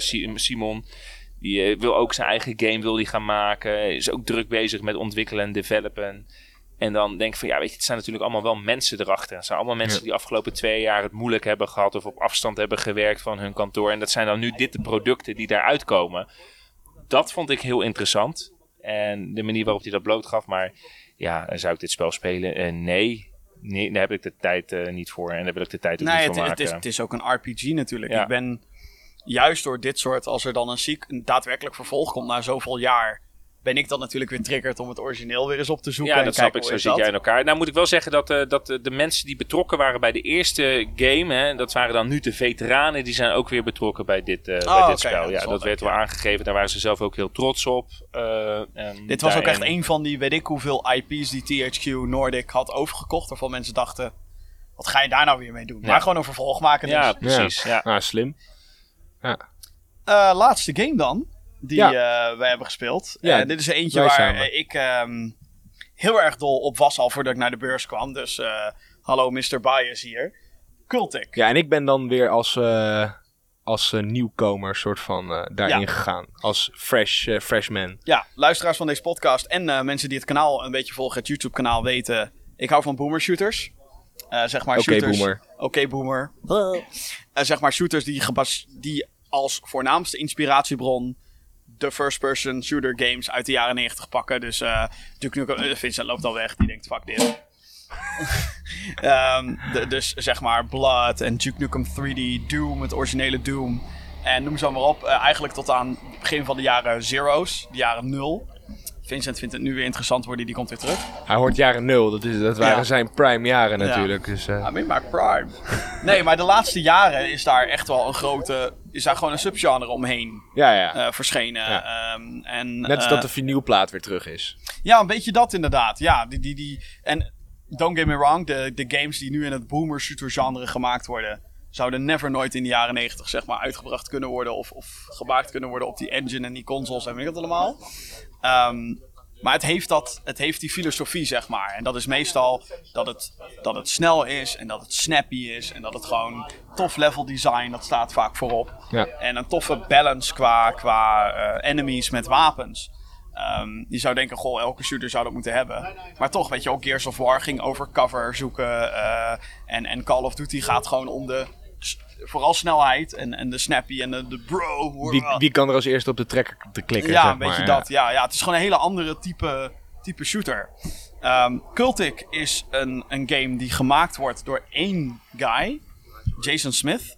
Is daar anderhalf jaar geleden aan begonnen. Um, en eigenlijk is die game groot geworden omdat hij... Hij was eigenlijk gewoon bezig met een beetje klooien in een engine. Heeft daar filmpjes van op Twitter gezet. En toen dachten mensen, wow, dit ziet er vet uit dit ziet er vet uit, dit ziet er vet uit. Dus hij deelt nog meer dingen. Waardoor mensen zich daadwerkelijk gingen afvragen: yo, welke game is dit en wanneer komt dit? Wanneer maak je dit af? Dusdanig erg dat 3D Realms. Had jij dat zelf ook? Um, nou ja, ik ontdekte het eigenlijk toen het al een gameproject was. Yeah. Maar toen zag ik inderdaad ook filmpjes voorbij komen op Twitter van features die hij dan in die game stopt. Uh, en en, en uh, grappige dingen die hij dan ontdekt, die hij met die zeg maar die feature set die hij dan gecreëerd heeft, komt hij erachter. Oh, ik heb een trap die dingen kan wegtrappen. En ik heb enemies die een hakbel kunnen gooien. Kan ik met die trap een hakbel terug schoppen en zijn kop eraf hakken? Nou, dat heeft hij dan honderd uh, keer geprobeerd of zo. En ja, dat kan. En dat neemt hij dan op en dat deelt hij dan op Twitter. Van haha, kijk eens wat hier gebeurt. Waardoor mensen wel zoiets hebben van ja, maar als dit soort shit allemaal werkt, is dat geweldig. En um, het heeft echt zo'n gritty sfeer ook. Doet heel erg denken aan Blood, een game uit 97. Um, waarvan de rechten ergens rondzweven, wat niemand weet waar het nou eigenlijk zit. Of bij een partij waarvan mensen denken, hm, hoort het eigenlijk niet te hebben. Atari volgens mij heeft het. Maar um, ja, die heeft dus op een gegeven moment, is hij getekend bij 3D Realms. Ja, daar komt nu gewoon een game. Daar zijn al een aantal, of er is een demo op Steam. Super goed ontvangen. En die update hij ook constant met dingen als hij weer iets heeft verandert aan de engine of zo, update hij gewoon die demo. En die demo heeft dan één best wel lang level en een endless wave mode. Ja, je merkt misschien al, ik ben verliefd op deze game. Gewoon omdat het is gritty. Als je die kop eraf schiet, hoor je dat. En dat vaak komt, wordt er dan ook zo'n slow motion effect getriggerd. Wat dan zeg maar extra punch geeft aan die, dat hele gebeuren. Het arsenaal is gewoon. Pistool is zeg maar. Vertrouwelijk wapen.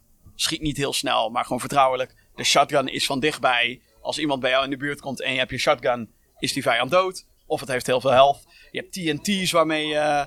Of je kan hem gewoon neergooien en daarna opschieten. Of je kan ze aansteken en dan gooien. Um, de lever action rifle is een soort van mid-range sniper. Nou, en als je daar iemand zijn kop eraf mee schiet, dan is dat echt... Oh, ik ben verliefd op dit spel. Jeppie, je hebt het voor het eerst gespeeld. Nou ja, ik, eigenlijk uh, alles wat je zegt, daar ben ik het gewoon helemaal mee eens. Het is, uh, de animaties zijn heel goed, de atmosfeer is vet, de uh, de wapens voelen heel, heel fijn, zeg maar, om te gebruiken. Dus inderdaad, die, uh, die midrange wapen wat je noemt, die, die, die had ik dan gemist in mijn playthrough. Dus ik, was al bij, ik was, had al bijna het level uitgespeeld. En toen zeiden jij, bent, oh, hey, je, hebt het wapen je bent een wapen vergeten. dus ik terug, wapen gepakt. En toen merkte ik eigenlijk van, holy fuck, deze had ik eerder nodig gehad. Um, alles, alles klopt, zeg ja. maar. En zelfs tot op de, de kleine details. Want tijdens jouw playthrough, Dit Jim, was fucking insane. Ja. uh, ging hij... Uh, nou, ik, ik heb het meer misschien over iets wat eerder gebeurde. Over, Oh. hij ging in een, jij ging in een bootje staan. Ja, ja, dat bedoel ik, dat bootjes, bedoel ik, oh, dat bedoelde je. Uh, en hij zei, kan ik die bootjes laten zinken? Dus die developer, die Jason, die zei... Ja, natuurlijk kan dat. Nee, hij, hij zei, op een gegeven moment zegt die developer, die zegt... Oh ja, ja, laat dat andere bootje anders ook zinken, joh. Want ik ging gewoon op een bootje en ik, ik was een beetje trigger happy. Ik schiet op wat dingen. Ja. En hij, ja, laat die andere dan ook zinken. Dus ik denk, oh, dus als ik erop ga staan, dan zinkt dat bootje. Ja. Hij zo, nee, Je moet schieten. je moet schieten. Dan Ja. maak je een gat. Ja, en, En hij en- zegt ook, en als je dan vaker schiet, dan zinkt die boot sneller. Klinkt als de meest logische shit. Maar, het Maar zijn- dit is iets wat... Waarom zou je dat in godsnaam erin programmeren? Wat heeft het voor nut? Het heeft Helemaal niks. Nee. Maar gewoon dat, dat soort oog voor detail, dat hij waarschijnlijk ook door dat level zit te spelen. En dat hij dan denkt, ja, maar als ik op dit, dit bootje schiet, moet hij natuurlijk Ja. zinken. Ja. Terwijl in heel veel andere, ook moderne games met een AAA budget, ja, whatever. Dat is gewoon een, is gewoon een platformpje, jongens. Ja. Niet over nadenken, is gewoon een platformpje waar je op kan staan. Fuck it. Weet je wel? Maar deze guy is zo van, nee, nee, nee, nee, nee, nee. Het moet allemaal, alles moet een bepaalde regel hebben. En als ik die regel eenmaal erin heb gezet, dan geldt dat ook, die regel. Ja, en, en misschien een detail wat jou nog niet was opgevallen, en, of oh. misschien wel. Maar was uh, dat als je dus schoot op die boot, dan de, waar de kogel zeg maar de boot dan raakt, verdween er ook een pixel. Oh, ja. en dat, dat, dat triggerde mij van, oké, maar dat is dus de level van detail wat hierin zit. En goed, dat, uh, oké, dus we hebben, je hebt een, een, een, een demo dus gespeeld. Ja. Is, en, en, en, het is een demo van wat? Een shooter. Oké, maar dat is, is daar al een idee over wanneer dat uit gaat komen? Is er oh, een idee van ehm, wat nou, daar gaat eh, gebeuren? Dat is leuk. Dus misschien een bruggetje. Bruggetje. Bruggetje. Bruggetje slaan. Ik heb dus met de beste man gesproken die dit heeft gemaakt. Op uh, camera. Jason Smith. Op camera. Ja, op, ja goed ja, dat je het zegt. Ik kan wel met hem praten. Maar... Hebben we heel veel gedaan. nee, op camera. Dus er is een interview met hem waarin hij uh, onder andere deelt dat hij dit jaar nog een episode wil releasen. Um, ik ben, ja, heel eerlijk, ik ben een beetje zuur over, want ik ben niet helemaal zo van het... Ik wil gewoon in één keer een hele game, weet je wel. Ik wil niet wachten op Maar goed, hij, hij gaf wel... Hij gaf wel we, hebben, we, hebben iemand nodig die in zijn eentje werkt, dus die wil ook gewoon zijn zakcentje wil die binnen Ja, nee, nou ja, ik bedoel, die man mag echt gewoon... Uh, ja, nou nee. maar goed, het is een episode. Ja, dus hij wil, dit jaar wil hij episode 1 uitbrengen. Maar hij gaf wel een goede reden waarom hij dat ging doen. En daarvoor moet je dan misschien het interview maar even kijken. Oké, even dan een sceptische vraag. Eh, zijn er dingen waarin je ook van afziet? Kijk, ik bedoel, we, hebben, we zien ook een hoop onzin. Hè? Dus we stellen die vraag bij geen enkele game. Maar hè, ik ben nou. altijd wel benieuwd van... Oké, we hebben iemand die dit in zijn eentje doet. Zijn er ook elementen waarbij je denkt van... Ja, ja, je kan wel zien dat dit, uh, dat dit is door iemand die in zijn ja, nou ja, speelt. Uh, ik denk dat ik had dat wel een beetje. Sommige besturingselementen, ik, uh, en misschien is dit gewoon een kwestie van veel spelen. Um, maar ik had nooit de gooiafstand van bijvoorbeeld, je hebt TNT, staven heb je en die kan je aansteken en wel gooien. Ik had nooit die afstand lekker geneeld. Uh, nog steeds niet. Uh, dus ik denk dat dat een, misschien een, een feeling kwestie is. Dat die physics daar net even wat beter moeten, gedaan moeten worden. En um, ja, ik had een beetje. Vooral, uh, want hij, hij vertelde, want hij heeft alles zelf gedaan in die game. Dus hij is de composer, hij is de uh, de animator, de, de modeler. Ja. hij doet alles. Behalve Alleen zijn eigen Gamescom afspraken.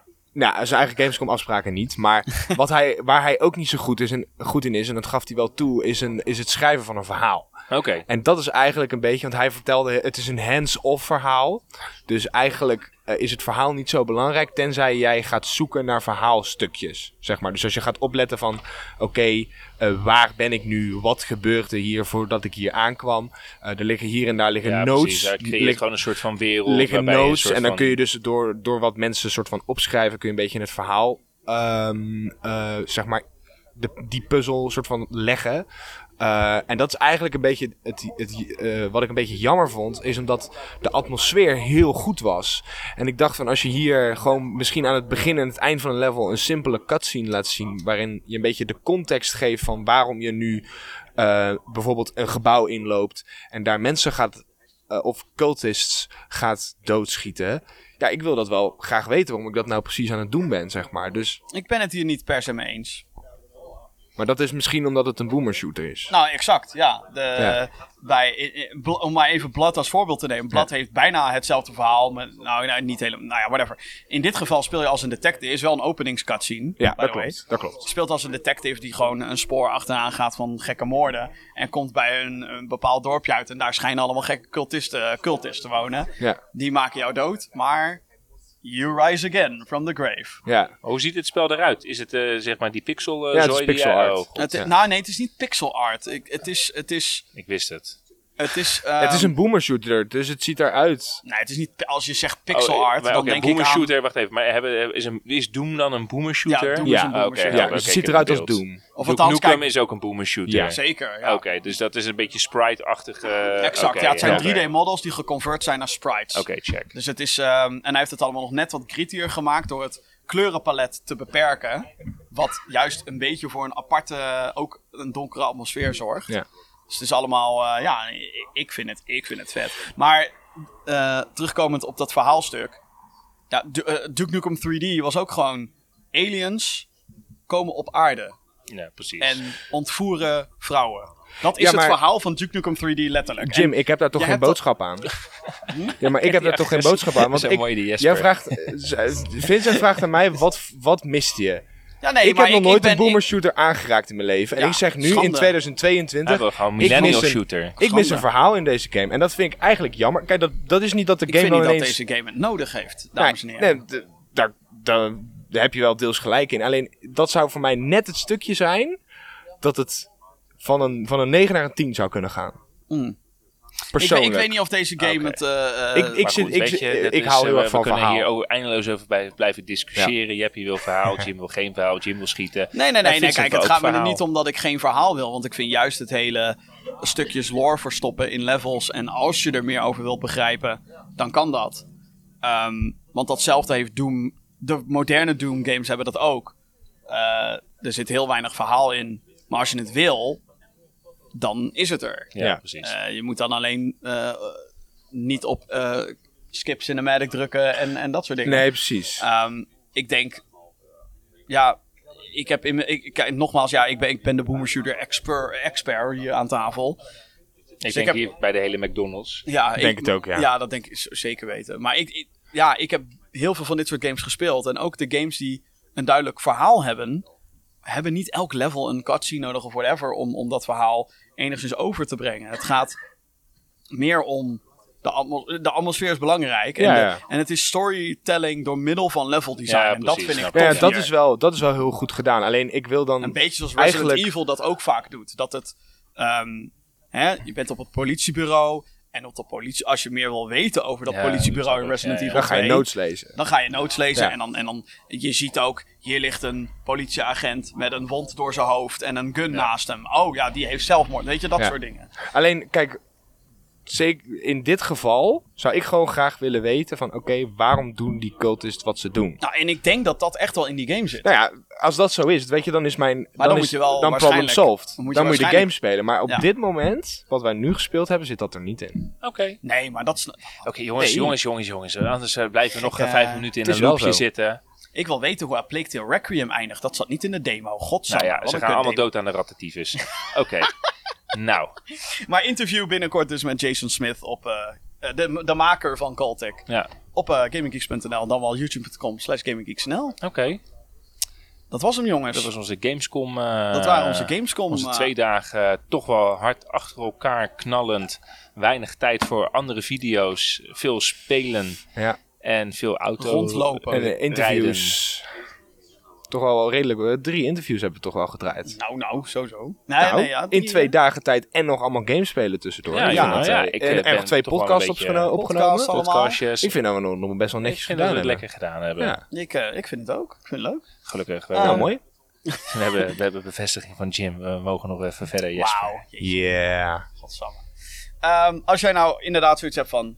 Was dat alles, jongens? Nou ja, ik zou zeggen... Gun ons meer. En steun ons. Ja. Hè? Abonneer op de podcast. Uh, abonneer op het YouTube-kanaal. Um, zorg ervoor dat die cijfertjes groeien, zodat we ook zoiets hebben van: hé, hey, het heeft daadwerkelijk zin wat we doen.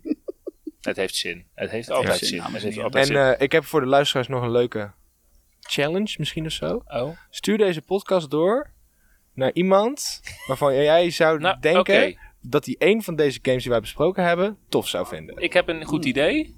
Ik heb nog een after the fall beeldje. Die ga ik weggeven. Oké. Oké. Moet ik After the Falls, die VR-game van Vertigo. Ja, ja, ja, ik heb, ik heb het beeldje nog niet eens uitgepakt. De hoodie hou ik zelf, maar ik dacht bij mezelf... ja, ik ga niet al die plastic weer mee terug naar huis nemen. Maar er zijn vast mensen zoals Jim en Jesper... die dat hartstikke leuk vinden om al die beeldjes te verzamelen. Ik heb eindelijk een beeldje. Hoe zag het beeldje eruit? Hebben jullie hem ook Ik heb hem ook nog niet, nee, nee, nee. Ik heb hem ook nog niet gezien. Nee. Had je die met cameratas gedaan? Oh, live unboxing, dames en heren. Heb je met cameratas gedaan, beeldje, of niet? Nee, hij ligt in de auto. Oké, okay, nee, hebben pech. We, maken er, we, kunnen er misschien wel even een foto van in-editen in de video, ja, uh, videoversie. Bij. Ik, we filmen straks, wel even, we filmen straks wel even dat ik hem bij de auto uitpak. Die en beelden anders, zie je anders nu. oh, kijk eens hoe blij ik ben hier. Je ziet me nu. We kunnen hem ook op Twitter zetten. Dat kunnen we ook doen. Zullen we hem op Twitter ja, nee, zetten? jongens, we zitten nu in een podcast. Je moet nou even duidelijke regels opstellen. Nou. Gewoon, het gebeurt gewoon doe een leuk mailtje sturen naar ons. En, Podcast at gaminggeeks.nl Ja, nou, en dan komt hij jouw kant op. Erin. Het was weer uh, gezellig. Ja. Mensen, bedankt, uh, bedankt voor het uh, luisteren natuurlijk. Abonneer op de podcast. Uh, abonneer op het YouTube kanaal. Um, laat Deel een rating video. achter. Deel, comment, like, subscribe. De hele Deze bende. podcast. En mail. Podcast.gaminggeeks.nl Voor een after the fall Beeldje. En volg, eh, volg ons Ja, we hebben nu genoeg genoeg. op Jim, Instagram, want wij hebben hele leuke stories Oké, geplaatst. dit was de 197e aflevering van de Gaming Geeks podcast. Hartstikke bedankt voor het luisteren en graag tot een volgende keer. Doei! Gaan we nu McFlurry halen of niet?